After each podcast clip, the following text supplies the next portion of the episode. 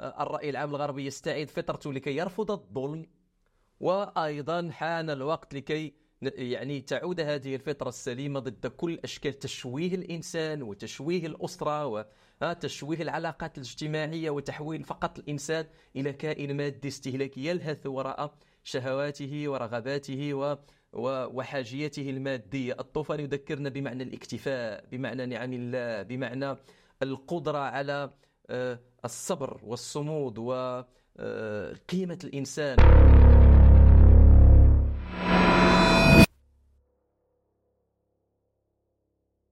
دشنت المقاومة في حركة طوفان الأقصى نمطا انتفاضيا جديدا يقوم على الصدمة المقرونة بالإبداع والتفكير خارج المتوقع.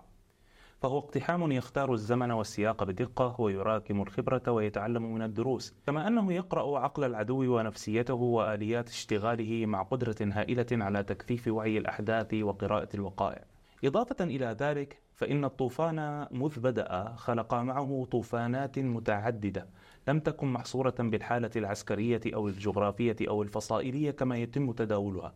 إضافة إلى ذلك فإن الطوفان مذ بدأ خلق معه طوفانات متعددة لم تكن محصورة بالحالة العسكرية أو الجغرافية أو الفصائلية كما يتم تداولها بل امتد إلى الحالة الفكرية والقيمية والتجديدية لدى الإنسان العربي والمسلم بشكل عام. بحسب ما يرى الدكتور المفكر سلمان بن نعمان فإن النموذج الانتفاضي يمتاز بخصائص أبرزها أن غاية النموذج الانتفاضي الفلسطيني في مقاومته للطغيان الصهيوني بوصفها أساس وجوده وهويته العربية والإسلامية وأرضه المقدسة. كما أن النموذج الانتفاضي المقاوم اختيار حضاري تحرري يجمع بين النضال المسلح والممانعة المدنية السلمية والتدافع السياسي. يغذي وينعش المخيال الجماعي ويمنحه القدرة الإبداعية على التفكير في أشكال متجددة من المقاومة والصمود.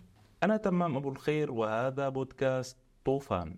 نستضيف اليوم الدكتور سلمان بن نعمان المفكر والكاتب وأستاذ العلوم السياسية بجامعة سيدي محمد بن عبد الله في فاس بالمغرب. للدكتور سلمان العديد من الأبحاث والمؤلفات. نذكر منها على سبيل المثال فلسفة الثورات العربية مقاربة تفسيرية لنموذج انتفاضي جديد. إضافة إلى أسئلة دولة الربيع العربي نحو نموذج لاستعادة نهضة الأمة. أهلا بك.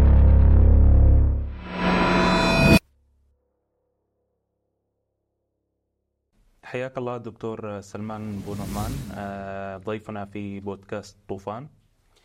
آه، أهلا بك. مرحبا. شكرا جزيلا على الاستضافة وأنا سعيد بهذا اللقاء. آه، دكتور في البداية قبل أن نخوض في غمار نقاشنا معك تذخر بلاد الشام بشكل عام وبيت المقدس بشكل خاص بعلاقة وطيدة مع المغاربة. بشكل عام. أي نعم صحيح. يعني أذكر أنا أن آه، الشيخ محدثي بلاد الشام هو الشيخ بدر الدين الحسني رحمه الله في أوائل القرن الماضي هو لأب مراكشي. آه، أيضا آه، كان في دمشق الشيخ عبد القادر الجزائري إضافة إلى عائلة الكتاني التي انتشرت في بلاد الشام. هذا الارتباط الوثيق ما بين الشام ككل وبيت المقدس بشكل خاص مع المغاربة. إلى ما ترجعه؟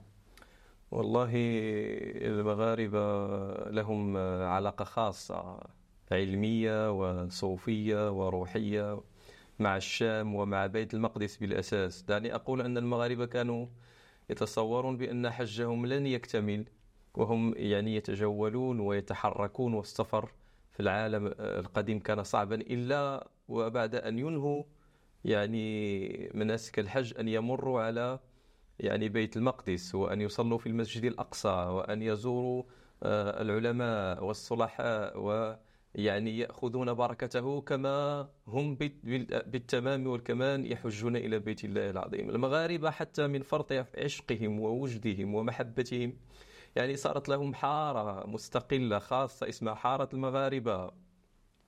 وحائط المغاربة وبيوتات وأوقاف وجهد المغاربة شاركوا مع نور الدين الزنكي ومع صلاح الدين الأيوبي وكانوا في المقدمة حتى قال عنهم صلاح الدين الأيوبي قولته المشهورة بعد أن انتهى من التحرير وناشد المغاربة أن يظلوا في بيت المقدس فقال أسكنت بالبطن اللينة أسكنت بالبطن اللينة من يثبتون في البر ويفتكون في البحر أسكنت المغاربة فما أجد غيرهم أستأمنهم على بيت المقدس.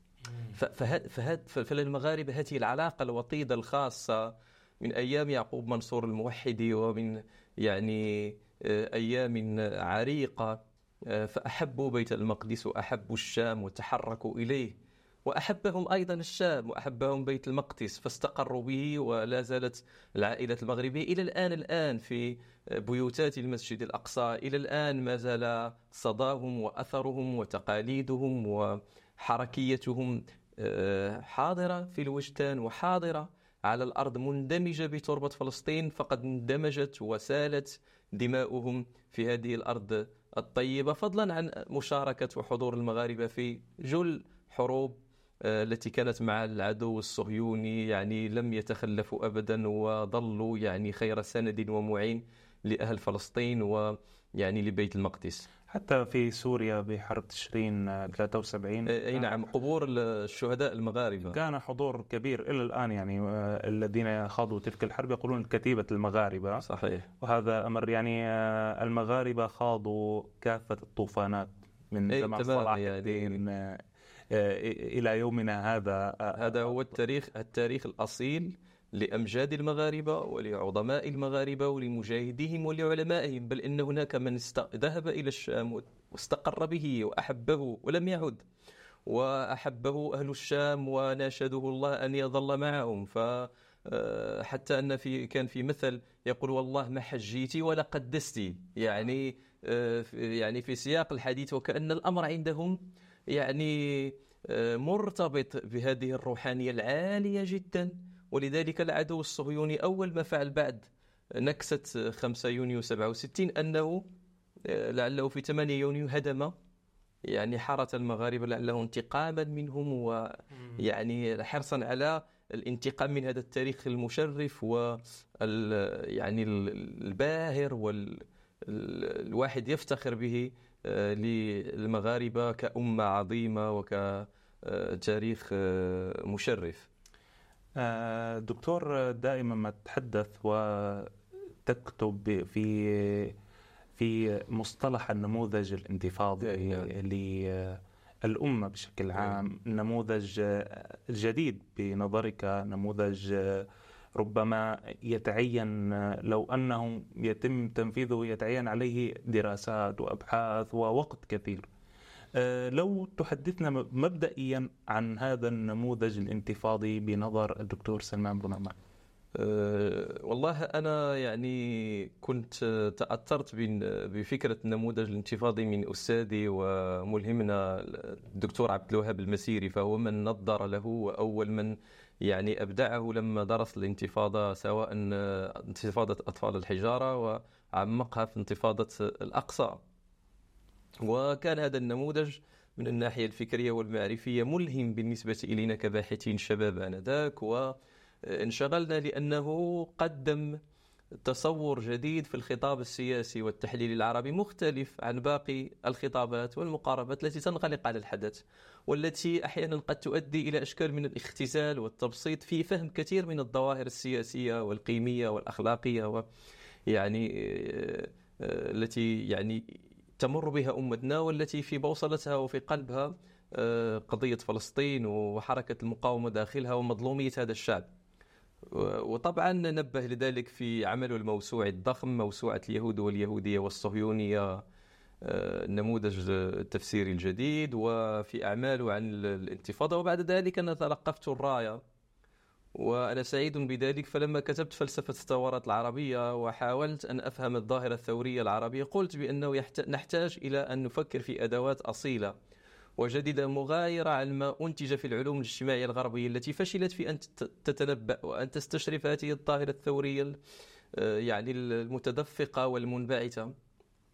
وقلت بأنه أنا الأوان لكي نطور ونبدع ونراكم مع هذا النموذج الانتفاضي المسيري وأن نرى الإمكانيات التي طالما تحدث عنها المسيري ودعا الباحثين و المثقفين والمفكرين إلى أن ينتبهوا وإلى أن فعل الانتفاض هو أقوى من فعل الثورة وهو فعل متجذر وله إمكانات يعني آه، هامة جدا وقدرات تفسيرية قادرة على أن تصبر غور يعني هذا الإنسان المنتفض العميق الملتصق بأرضه والإنسان الفلسطيني هو تجسيد عملي آه، يعني أصيل لكل قيم هذا النموذج الانتفاضي. ومن ثم بدأنا نتحدث على أنه حتى من داخل العلوم السياسية وحتى من داخل العلوم الشيء ينبغي أن آه، نفكك الظواهر ونقرأ المشاهد التي أمامنا بعيدا عن عين الرؤية المعرفية الغربية. ونظارة الاستشراق المتحيزة ومن منظورات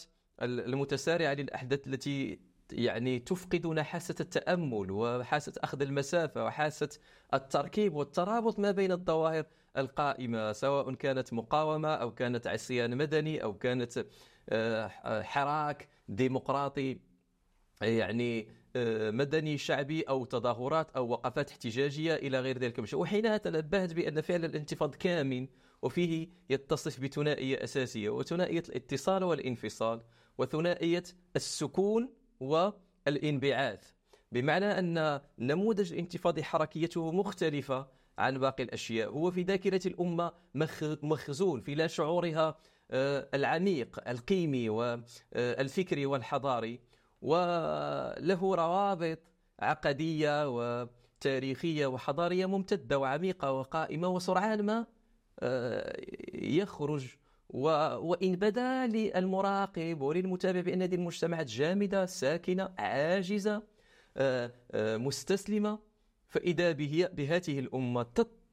وإذ يظهر انقطاعها تتصل من جديد بهويتها تتصل من جديد بالتطلع إلى الحرية وتستعيد يعني حركة انطلاقها ووجودها والتفكير في مصير الإنسان آه، سواء العربي المسلم أو مصير الإنسان ككل حيث قيمه قيمه أخلاقه ومصيره آه، آه، وتجربته وديناميته في في عصر الحضارة الحداثية الممتد. وهكذا بدأت يعني الفكرة وقلنا آنذاك دعوة لل عموم الباحثين والمشتغلين حتى بالنظريات السياسية والفكرية بأن نتحرر من الأطر الغربية ليس رفضا وليس كفرا بل قدرة على الاستيعاب والنقد والتجاوز والإبداع وقراءة واقعنا.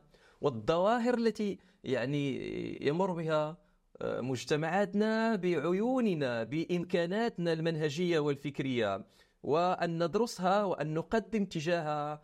أفكار تتجاوز أزمات الاستقطاب الإيديولوجي ومعضلة التصنيفات الفكرية التي أرهقتنا أكثر من نصف قرن وأن نفكر بطريقة قد تكون متحيزة طبعا لحضارتنا ولأمتنا ولذاتنا ولكنها تمتلك أيضا إمكانيات بأدوات آه، العلوم الاجتماعية وبضوابط البحث العلمي وبشروطه وإمكاناته بأن نبدع ونجتهد حتى نحن ولا آه، نحس بأننا عالة على النظريات الغربية ومجرد مستهلكين حتى في آه، يعني أبسط الدراسات هو في الأصل هل نحن مضطرون ليكون لدينا أطر غربية أو نموذج غربي لتطبيقه؟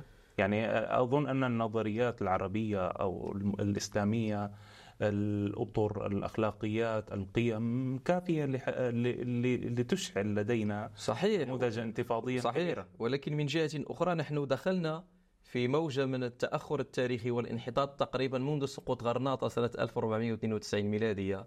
فبدأ أفول الحضارة الإسلامية وما يسميه مالك بن إنسان ما بعد آه، الموحدين. فحصل انقطاع كبير وطبقات جيولوجية يعني من التخلف والجمود آه، والركون إلى آه، التقليد والتقاليد وغير ذلك. وهذا الأفول أثر. ما استطعنا أن نصل وصل مع ابن خلدون إلا ونحن متأخرين اكتشفه الأوروبيون قبل منا. ما استطعنا أن نعيد بناء آه، ما يسمى على شريعة العودة إلى الذات عودة صحيحة سليمة. وأن نبني منهجا عقلانيا نقديا آه، أصيلا مع تراثنا. إلا ووجد المستشرقين وقد غطوا وطغوا بالكتابات وشوشوا وصارت عندنا انقسامات وأشكال من التغريب والرفض للتراث واتهامه بالجمود والظلامية وأنه عائق في وجه النهضة والتخلف. هذا الأمر ساهم في كثير من المفكرين العرب والمسلمين بشكل عام أي للأسف. أو وقعوا فيه يعني. للأسف لأن جو الانهزام والتبعية آه، الفكرية والانبهار بالغرب حال دون إمكانية استنطاق قدراتنا وإمكانية دون أن ننغلق. يعني هذا يعني أن ننفتح على روح العصر أن ننفتح على الإمكانيات التي تتيحها العلوم الاجتماعية في الغرب ما دام أنه هو قد أخذ الراية واستلمها وفق تفاعل حضاري وفق دورة حضارية ممتدة تتفاعل فيها آه، آه، الحضارات ولتنجز فيها أشكال من العلوم والمعارف والعمران والإنجازات وغير ذلك. ولكننا نحن من جهة أخرى وإذ أردنا أن نستفيد آه، سقطنا في التبعية سقطنا في التقليد.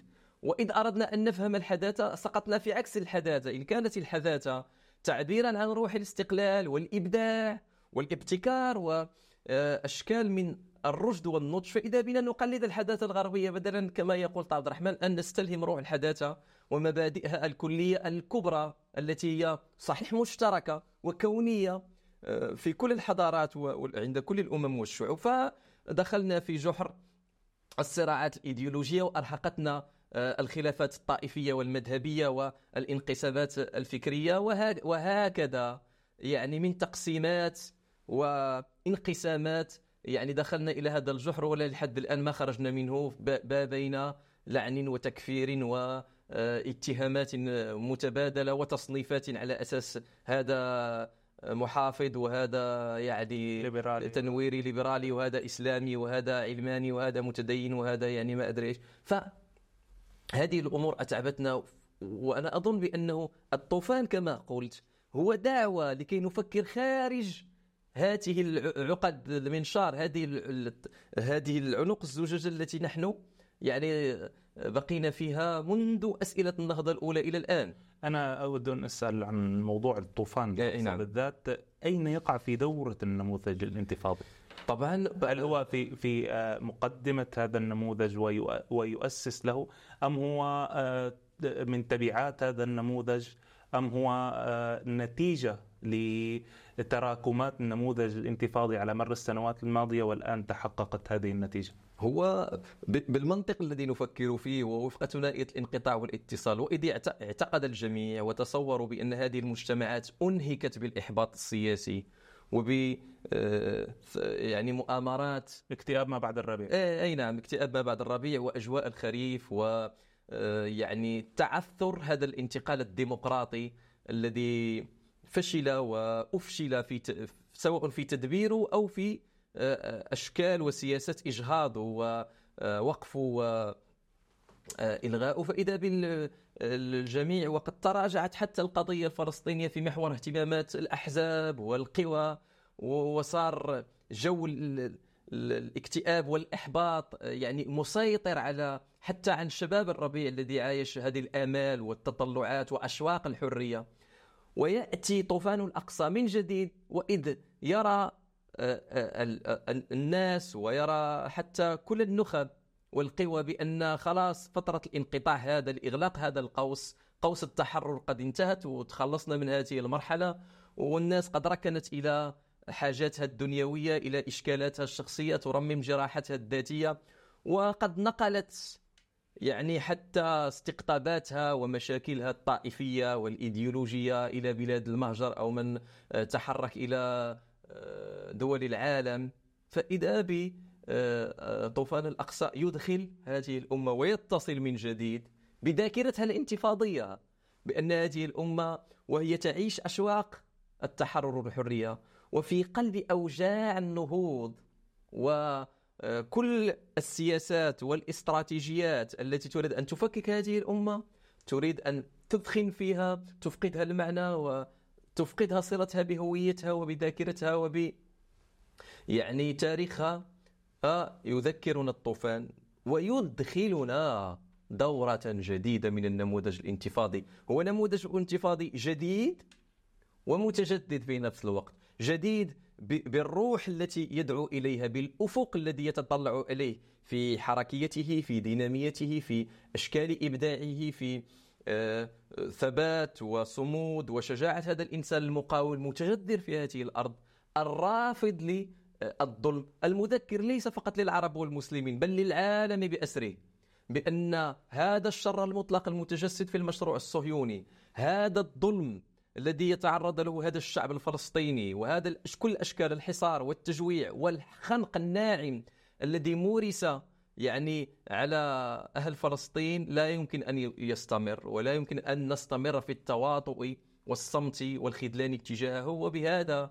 يذكر بأن الحرية أصل هذه الفطرة العميقة وبأنه رغم كل هذه الأوجاع يمكن لهذه الأمة أن تقدم شيء وأن تفعل شيء يذكر بشكل من الثقة في الذات يزرع ويجدد دماء الوعي ويحيي الشعور الجماعي بأن هذه الأمة أمة واحدة وبأن فلسطين قضيتنا الجامعة وبأنه يمكننا إذا توفرت الإرادة وتوفر الإنسان المؤمن برسالته وقضيته وتوفرت الإمكانات حتى المحدودة في حدها الأدنى الأدنى يمكن أن آه، نوجع يمكن أن تكون آه، يكون لنا أثر آه، في هذا الوجود ورسالة وقضية لا يمكن أن يعني يستمر في الصمت والتجاهل تجاه قضية فلسطين. هذا كلام جميل جدا ويعني مطلوب.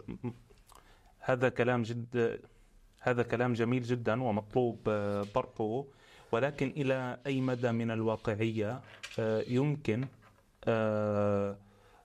تطبيقه؟ يعني اليوم الأجيال العربية الأجيال في الغرب هنالك نظرة جديدة للقضية الفلسطينية. هذا من بركات الطوفان.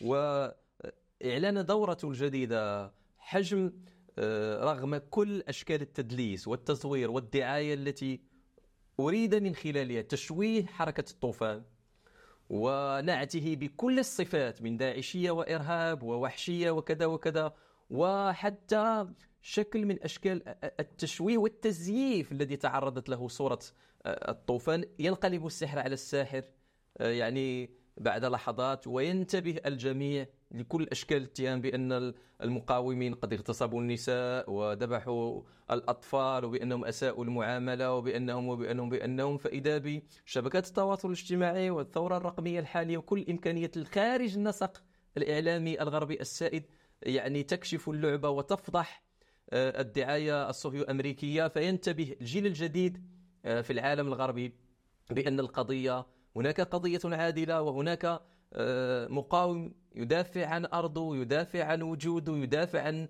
آه، يعني آه، حركة استيطان وإهانة للمقدسات و وهذه من البركات حتى لاحظت بأن حجم التحرك والتظاهر رغم كل أشكال التقييد ورغم بعبع معاداة السامية ورغم القوانين ورغم الضغط وفي أناس فقدوا عملهم في أناس آه، يعني تعرضوا لكل أشكال التضييق والاعتقال وغيرهم.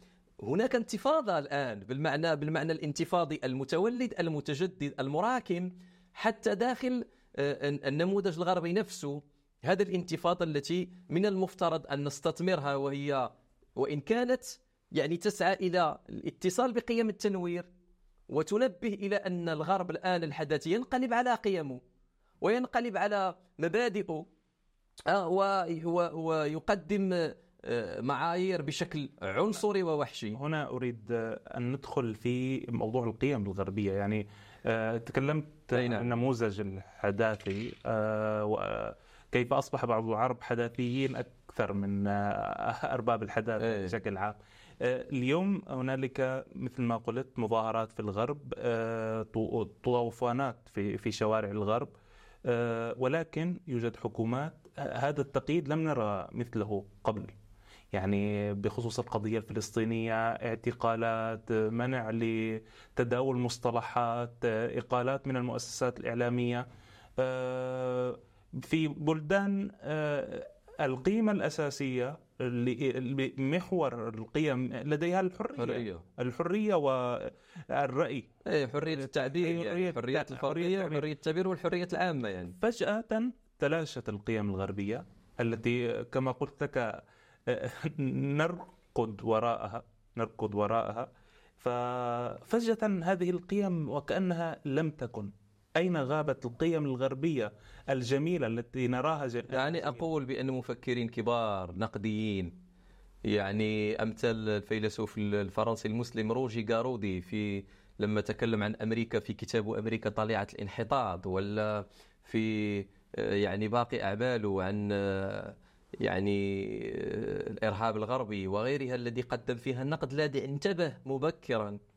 إلى هذه العقلية الإبادية العنصرية الكامنة في الحضارة الغربية وهو تعرض نفسه يعني في فرنسا لما كتب كتابه الأساطير المؤسسة للسياسة الإسرائيلية لأشكال من التضييق والتهم وسحب كتابه وحوكم وغير ذلك من الأشياء. وهؤلاء النقديون حتى من داخل الغرب وحتى من يعني يعني من آه، العالم العربي كالمسيري وطه عبد الرحمن وغيرهم يعني الذين نبهوا إلى أن هناك أزمة أخلاقية عميقة وقديمة في النموذج الحداثي الغربي الطوفان فقد كشف عنها الطوفان فقد هذه المرة فضحها بشكل واضح أه؟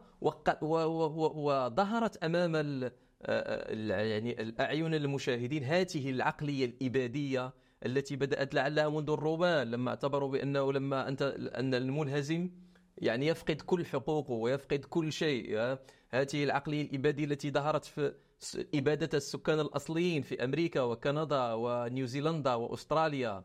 آه، وقد شرح هذا الأمر شخص حتى أنه غير مسلم وأنثروبولوجي كبير متخصص عاش في أمريكا منير العكش. في كتابه يعني أمريكا وحق التضحية في الآخر بالآخر أمريكا والإبادة الجماعية أمريكا والإبادة الثقافية أمريكا والإبادة الجنسية أربع كتب.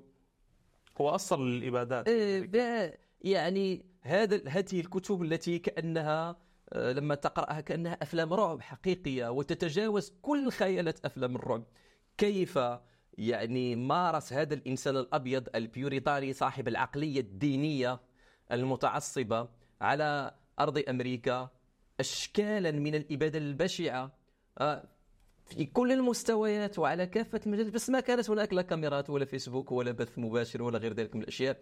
وكيف استثمر وهذا الشعب البسيط على فطرته يعني ما بين الشيروكي والشعوب الأخرى التي كانت آه، في اتفاقية سلام ومخادعات وكذا وتعرضوا لحروب حتى جرثومية يعني لكي يتم إمراضهم بأفق انقراضهم. يعني وهذه العقلية التي مورست في إفريقيا ومورست مع العبيد آه، لما كانوا ينقلون بطريقة بشعة إلى إلى أمريكا. بمعنى أن هذه هذا وتم تكرارها. زيغموند باومن يتكلم عن فكرة الحداثة والهولوكوست وكيف أن هذه هذه أن أن الهولوكوست هو مظهر من مظاهر الحداثة وأن النازية هي هذا التعبير. العملي الظاهر الفاقع عن هذه الحداثة سواء في آه، البعد النازي أو البعد يعني الفاشية أو غيره من من الأشياء التي يعني صارت آه، والصهيونية بدورها يعني تجلي كما يقول المسيري ل آه، يعني هذه الأزمات التي تدخلها الحداثة يعني. حتمية للقيم الأمريكية الإبادية. إيه طبعا. ولذلك ينبغي أن نعي دائما بأن المشروع الصهيوني هو تعبير عن هذا هذا التصور وعن هذه العقلية. وطبعا هذه العقلية آه، تتكامل معها فكرة اللي قلت لي لما سألتني وقلت لي لماذا الغرب لم كذا الغرب لم يتخلص بعد من عقدته الصليبية والتاريخية والحضارية مع العالم الإسلامي. ولذلك تجد أن كل القيم والمبادئ كل الحريات والدعوات آه، تقف لما تدخل العالم الإسلامي تصير استثناء ويصير فقط. وشوف كيف تعامل مع مظاهر الحجاب والتدين في في فرنسا ومع المآذن. يعني يعني مظاهر حضور التدين الإسلامي كيف تعاملت مع العلمانية الغربية بين قوسين. طبعا هناك أشكال مختلفة ومتنوعة. حتى من العلمانيات ومن نماذج تدبير الدين والدولة ومن حتى من نماذج الحداثة داخل الغرب نفسه يعني من باب الإنصاف يعني. هو نقاش العلمانيه بحد ذاته في الغرب مثير يعني لا ل... ل... لا أدري ما أوصفه ولكن هناك نفاق في في موضوع توصيف العلمانية أو اللائكية الغربية إيه، إيه، نعم. وهذه المواضيع آه، اذا يعني النموذج الحداثي الغربي والنموذج إن استطعت استطعت أن أسميه النموذج الإبادي إيه، نعم. الذي ظهر جليا في طوفان الأقصى تكلمت كثيرا عن عن تأصيل لهذا النموذج الإبادي والحداثي لأمريكا ولتاريخها ولقيمها في الأصل الذي تكشف هو القليل في طوفان الأقصى. كيف أنهم آه، جلبوا حاملات الطائرات الجنود ودعموا بها طفلهم دل الإسرائيل. ولكن اليوم آه، انكشاف القيم الغربية هذه آه، ألا يجب أن يواجه بانكشاف نموذج قيمي جديد لمنطقتنا لهذا العالم العربي. المليء بالأصل في القي بالقيم يعني حاجة فقط أن تظهر. شوف هو هو من حيث المبدأ دعنا نثبت أمر. هو نقدنا للنموذج الحداثي الغربي. آه، هدفه الأساسي ليس هو شكل من صياغة نوع من التطرف تجاه الحضارة الحديثة. بقدر ما آه، هو دعوتنا إلى أن نمارس فعل النقد من باب الفهم العميق ومن باب التنسيب بمعنى كيف يصبح الغرب من جديد نسبيا بعد أن ادعى كونيته ومن باب كشف هذه الأعطاب العميقة الأخلاقية بالأساس الكامنة في هذا النموذج. ولذلك أنا كنت أقول دائما بأن طوفان الأقصى قام بما أسميه بتأنيس الظاهرة الصهيونية بمعنى أو أنسنت هذه الظاهرة التي التي يعني سوق آه، حولها بأن الظاهرة الصهيونية والمشروع الصهيوني هو مشروع لا يهزم جيش لا يقهر قادر على الاستباق والاستخبار والمبادرة ويمتلك آه، كل القدرات والإمكانيات آه، يعني التحكم والسيطرة والهيمنة طبعا وهو الدولة الوظيفية الذي يجسد عمليا مشروع الهيمنة الأمريكية الغربية على العالم. هذه الأسطرة التي تمت يعني وأكدتها آه، يعني الحروب التي خاضها يعني العدو الصهيوني مع الجيوش العربية باستثناء آه، حرب 73 صار هناك آه، عقدة وصار هناك هزيمة ذاتية في وجدان الإنسان العربي، الطوفان وحركته الانتفاضية المتراكمة والممتدة والصامدة خلينا نقول يعني والتي مرت بسيف القدس و يعني غيرها من الانتفاضات. تؤكد بأن لا هذا المشروع الصهيوني هو آه، مشروع بشري إنساني وليس مشروع وراءه كائنات فضائية غير قابلة للهزيمة. بشري يمكن بشري إنساني بأي مفهوم؟ بشري إنساني بالمعنى أن أن المقاومة يمكن أن تؤلمه أن المقاومة يمكن أن توجعه أنه ليس كائن خارق آه، يتحكم في العالم والسوبرمان قادر لا هو إنسان آه، يمكن أن يستثمر في أخطائه يمكن اختراق جداره الامني والتكنولوجي يمكن التشويش عليه ويمكن القيام بحركة مبدعة مؤلمة تاثر يعني جنديه. وإن وإن بهذا المعنى تتجلى لا إنسانية هذا المشروع الصهيوني ولكنه من وجه الآخر هو يكشف ودعنا نقول ينزع القداسة وهالة السحر عن هذا المشروع الذي خلاص صار الكل مؤمن بأنه والله هذا أمر واقع وينبغي الفلسطينيين والعرب أن يتكيفوا معه وأن يستسلموا وأن يعني يصيروا يتعاملوا معه كأنه أمر طبيعي وعادي خاصة يقول لك الموساد يعرف عنا كل شيء. كل شيء ويترقب كل شيء ويتجسس على كل شيء. ولكنهم لا في هذا الطوفان آه، آه، انهارت هذه النظرة. أن الاستخبارات الإسرائيلية هي آه، في يوم من الأيام كانت وهم في يوم 7 أكتوبر. يعني يقول لك الموساد مسكنا من رقابنا ولكن لم يدري الموساد بما يحصل في هذا الطوفان. ولذلك كان يقال من أحد المقولات إنه لا يصنع التاريخ إنه لا يصنع التاريخ إلا أولئك الذين حلموا على أن تجرأوا على أن يحلموا به أيام كان مستحيلا. ف استحالة أن يهزم هذا العدو. الطوفان يعيد تذكيرنا بأن والله هذا العدو هو هو ما, في ما هو خارج البشر.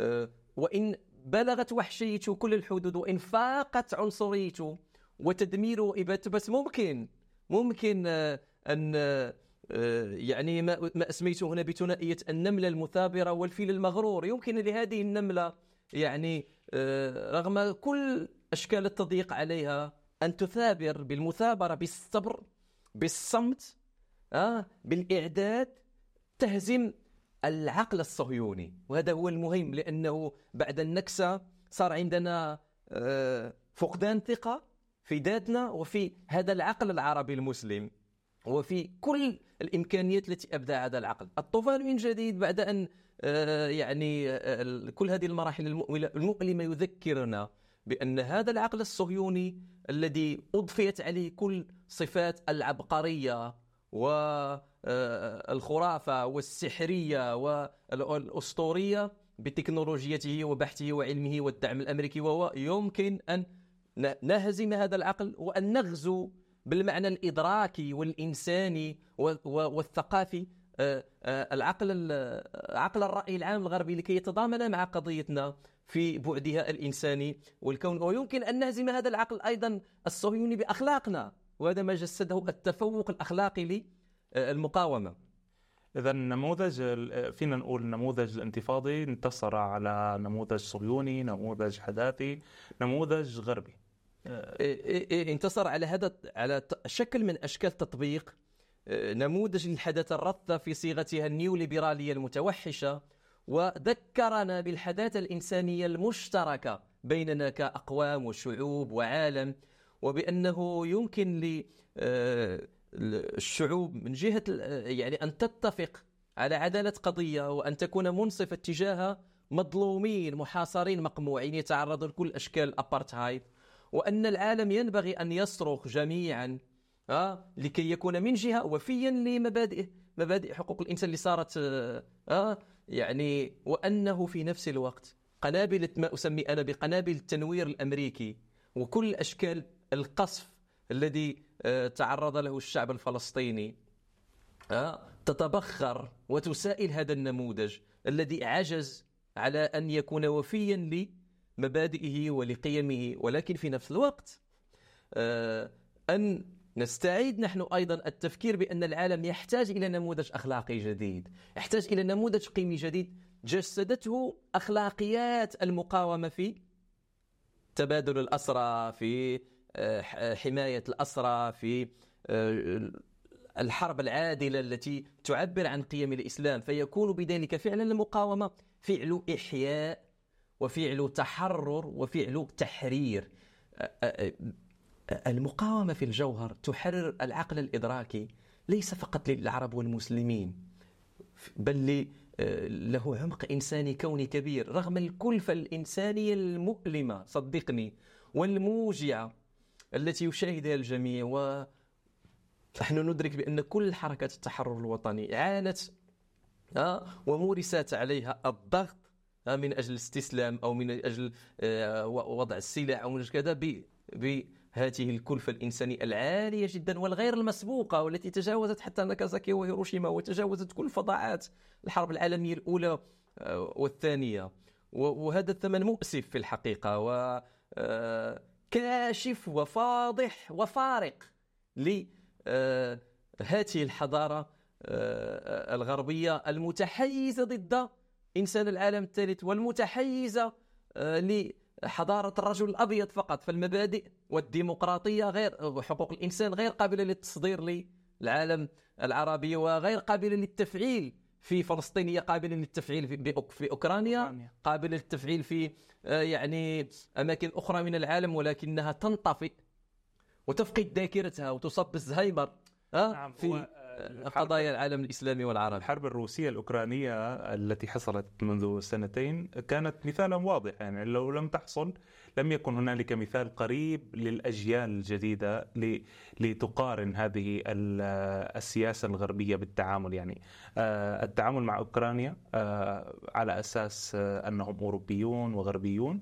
والتعامل مع الفلسطينيين كيف كان؟ يعني التعامل مع الفلسطينيين كأنهم يعني دون الإنسان يعني كأنهم بالعقلية الدينية اليهودية المتطرفة قويين يعني يجوز فيهم كل شيء. فهم خلقهم الله يعني على صيغة إنسان هو هم حيوانات ولكنهم خلقهم الله على صفة, صفة إنسان لكي يخدموا بني إسرائيل. وقد قالوها قالوا نحن نتعامل مع حيوانات بشرية, بشرية معاذ الله هؤلاء الأبطال العظماء والصامدين. ف بهذا المعنى هناك جيل جديد في الغرب نزيه متضامن عنده وعي قادر على أن يفكك بعض الأساطير. ينبغي المراكمة في التواصل معه وبناء خطاب آه، في اتجاه قضايا اتجاه ولكن في نفس الوقت كما أشرت بأن لا زالت هناك نخب متنفذة من الجيل القديم في الإعلام في السياسة في الاقتصاد في الشركات الكبرى.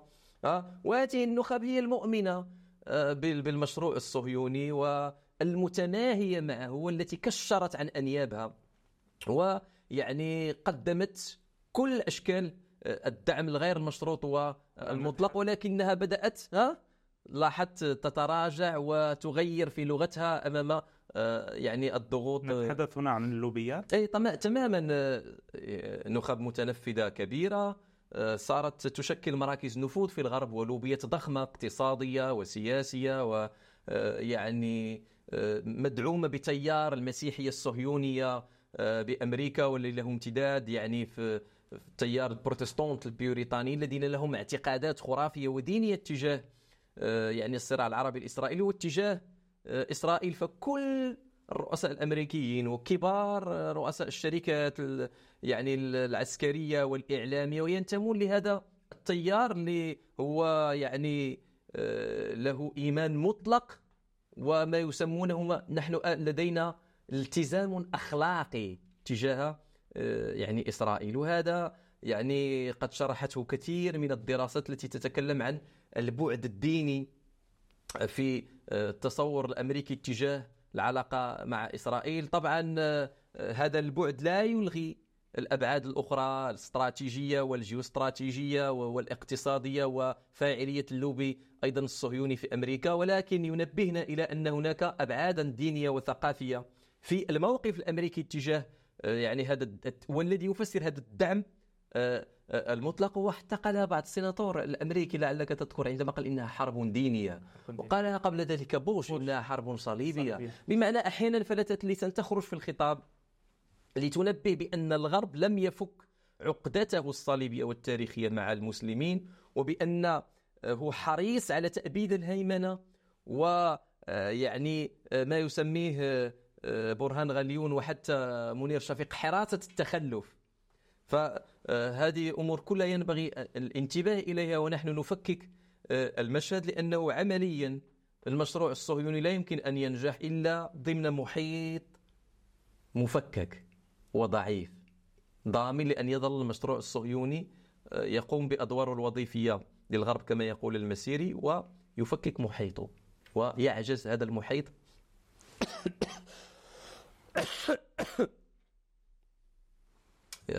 يفكك هذا المحيط حتى يظل هذا المحيط عاجزا على أن يعني يقوم بأي آه، دور آه، في آه، النهوض وإحياء قدراته قلت هنا أن إسرائيل نظام وظيفي لخدمة الأجندة الغربية. قرأت مرة لا أذكر اسم الكاتب وأن خلق حول إسرائيل أنظمة وظيفية لحماية هذا النظام الوظيفي الذي يحمي آه، مصالح الغرب في في آه، في منطقتنا. إلى أي مدى هذا التخاذل العربي السياسي آه، يخدم هذا النموذج الغربي؟ وللأسف السياسات الرسمية كأنها يعني لديها سقف محدود وواطي جدا إذا قارنتها بحركة الشعوب يعني.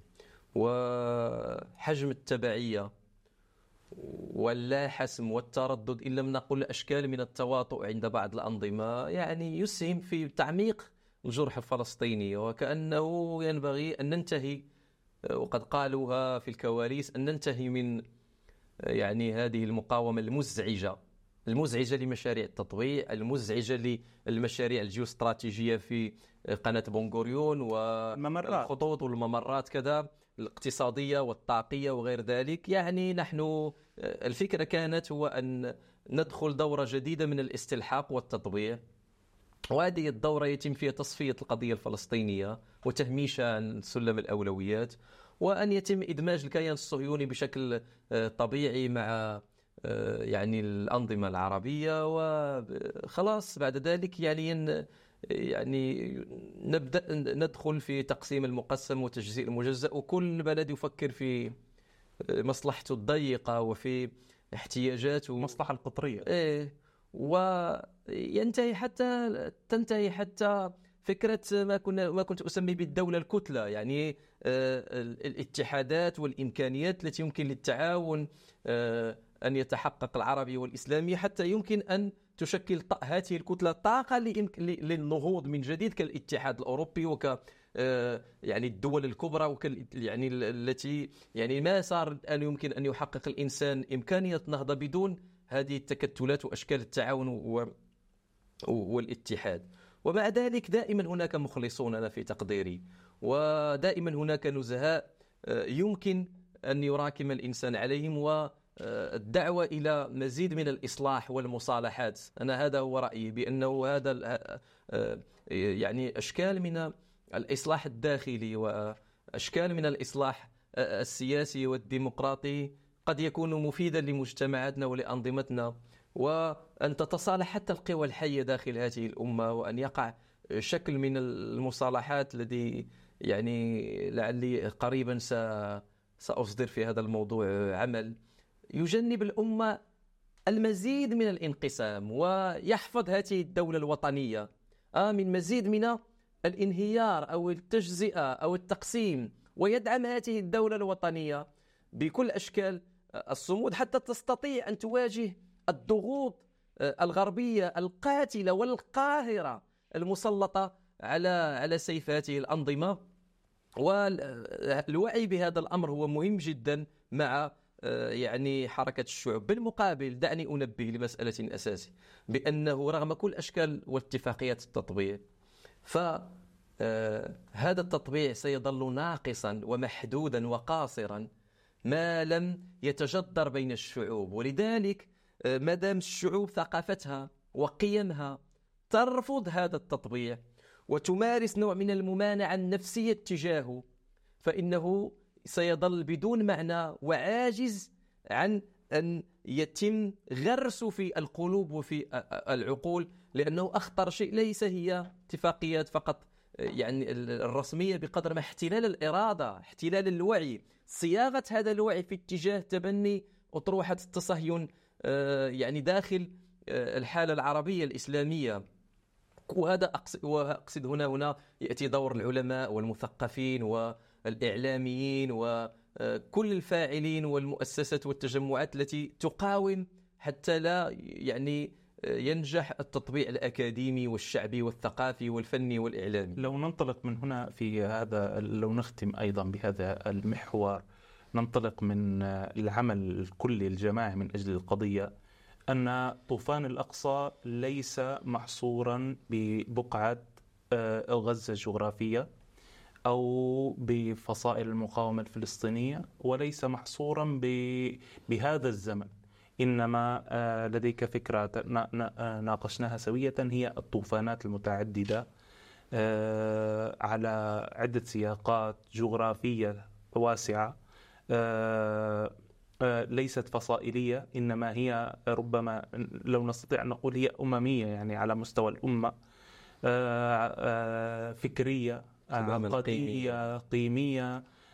تجديدية لهذا. هنالك إذا يعني الطوفان هو مجرد جذوة للطوفانات التي ينبغي لنا أن نقوم بها أو أنها تفجرت مع هذا الطوفان. صحيح. هو أنا النموذج الانتفاضي أو طوفان النموذج الانتفاضي أنا أرى بأنه متعدد الأبعاد وينبغي ألا نقصره فقط على الفعل العسكري يعني المقاومة المباشر في أرض فلسطين. طبعا هو ممتد ومتفاعل وأشكاله مختلفة حتى داخل, حتى داخل الفلسطيني يعني. نعم.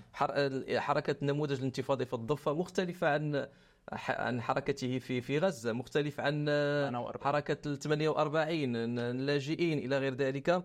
فهو يأخذ أشكال ويتكيف مع الأوضاع بشكل مبدع. وإذ هو فعل إحياء وتحرير وتحرر فهو ضد, ضد آه، السكون والجمود الفكري وضد فقدان المعنى الذي يعني صار يطغى وفكك القيم. الطوفان المتعدد يجدد هذا المعنى ويعيد الالتحام بالقيمنا الإسلامية الكونية الإنسانية الكبيرة جدا التي بدأها القرآن الكريم في أو من من من في المصحف بالحمد لله رب العالمين واختتمت المصحف بقوله تعالى قل أعوذ برب الناس رب بين رب العالمين ورب الناس هذا الفضاء الواسع ورحمتي وسعت كل شيء هذا وما أرسلناك إلا رحمة للعالمين نحتاج إلى أن نحرر الإسلام من ثقافة الانحطاط وأن نحرر الحداثة لكي تصبح إنسانية ومشتركة ومبدعة من ثقافة الاستعمار ومن هذا الإرث الإبادي النازي حتى يمكن أن نتملك حدثتنا الخاصة.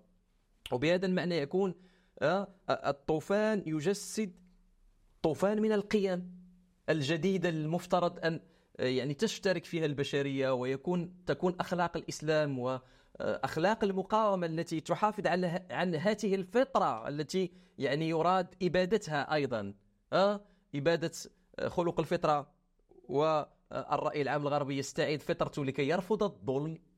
وأيضا حان الوقت لكي يعني تعود هذه الفطرة السليمة ضد كل أشكال تشويه الإنسان وتشويه الأسرة وتشويه العلاقات الاجتماعية وتحويل فقط الإنسان إلى كائن مادي استهلاكي يلهث وراء شهواته ورغباته و وحاجيته المادية. الطوفان يذكرنا بمعنى الاكتفاء بمعنى نعم الله بمعنى القدرة على آه، الصبر والصمود وقيمة آه، الإنسان وكرامة هذا الإنسان وهو يعني يعاني كل أشكال الألم والظلم والجراح المادية والمعنوية. فإذا بهذا المعنى يطلق نطلق طوفان من القيم قيم الجديدة قيم الاجتهاد قيم الإتقان والإبداع قيم آه، آه، التخطيط والصبر والنفس الاستراتيجي العالي وعدم الاستعجال. طوفان من قيم حان الوقت لكي ندخل دورة جديدة من الاجتهاد ومن تطوير الأفكار الإصلاحية والنهضوية التي سادت طيلة قرنين من الزمان. هناك انسدادات قيمية وفكرية في العالم الإسلامي. تحتاج إلى جيل جديد من المثقفين والباحثين. يخرجون من عقد التاريخ يخرجون من إشكالات وصراعات الجيل السابق. بكل تلويناتهم إسلامية وقومية وليبرالية وعلمانية والتي عجزت وتعثرت وأجهضت يعني بتفاعلات داخلية وخارجية. بس هذه الخلطة في الأخير أعطت يعني أشكال من آه، التوتر والتناقض والانقسام وانتهاء هذا الربيع. ف آه، طوفان يصالح ما بين السياسة والأخلاق. آه، نحتاج هذه الأشكال اللي جسدها الإنسان المقاوم بممارسته آه، المقاومة وبفعله الاستراتيجي ولكن بأخلاقه أيضا العالية جدا هو يدير المعركة الإعلامية. ولا ولا يكذب ولا يساهم في التدليس ولا كذا وهو يدير معركته السياسية وهو يدير آه، يعني معركته آه، مع المفاوضات والأسرى ومع غير والعسكرية. إذا إعادة بناء الوعي من منظور أخلاقي يؤكد يعني آه، مرجعية الإسلام الكونية ويؤكد أن هناك إنسانية مشتركة مع نزهاء ومع غير الغرب الرسمي يعني مؤسسات وتيارات ومثقفين ومفكرين. آه يعني يمكن أن نفتح معهم جسور للتواصل لسماع صوتهم للإفادة منهم والإفادة منا آه على أساس أن نوقف فقدان المعنى والتفاهة وسيطرة هذا الشر آه، السائل بتعبير باومان الذي يعني يريد أن يغرق الوعي يريد أن يغير فطرة الإنسان وحتى يريد أن يغير الحقائق الطبيعية الباهرة والواضحة. يغير معنى الاحتلال ويغير معنى المقاومة ويغير معنى الفطرة ومعنى الإرادة ومعنى الأخلاق ومعنى آه، حتى المعاني اللغوية يعني التي هي بدهيات نحن تعرضنا إلى قصف عقول وقصف إعلامي وأشكال من القصف تريد أن تغير كل الحقائق وتشوه كل الأشكال فيصبح يعني الضحية هو السبب. وبدل أن نتجه بنقدنا إلى لوم الجلاد وإلى لوم الاحتلال صرنا نلوم الضحية عن لماذا يقاوم. وما أسميه أنا بعق... بنفسية الحلول في الجلاد.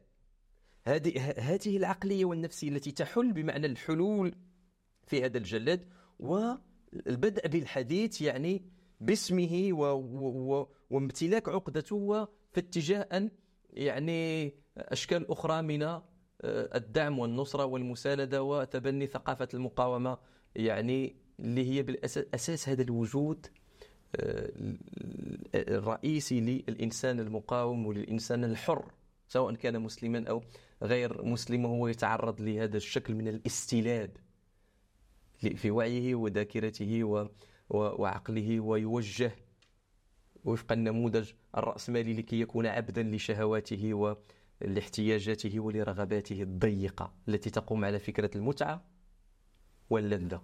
فإذا آن الأوان إلى أن الطوفان ينبهنا إلى إمكانات أن نتمرد على هذه الجوانب المظلمة في الحداثة.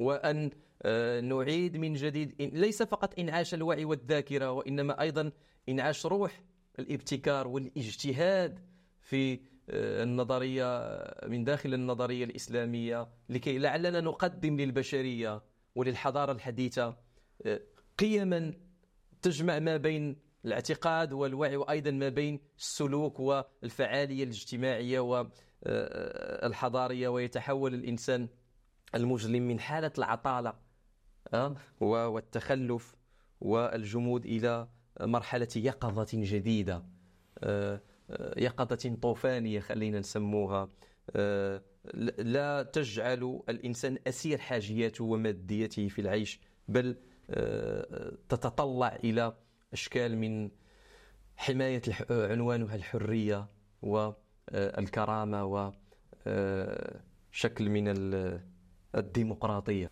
إذا طوفانات متعددة سلطنا عليها الضوء في بودكاست طوفان مع الدكتور مشكورا سلمان بو نعمان. آه، نلقاكم في حلقة جديدة.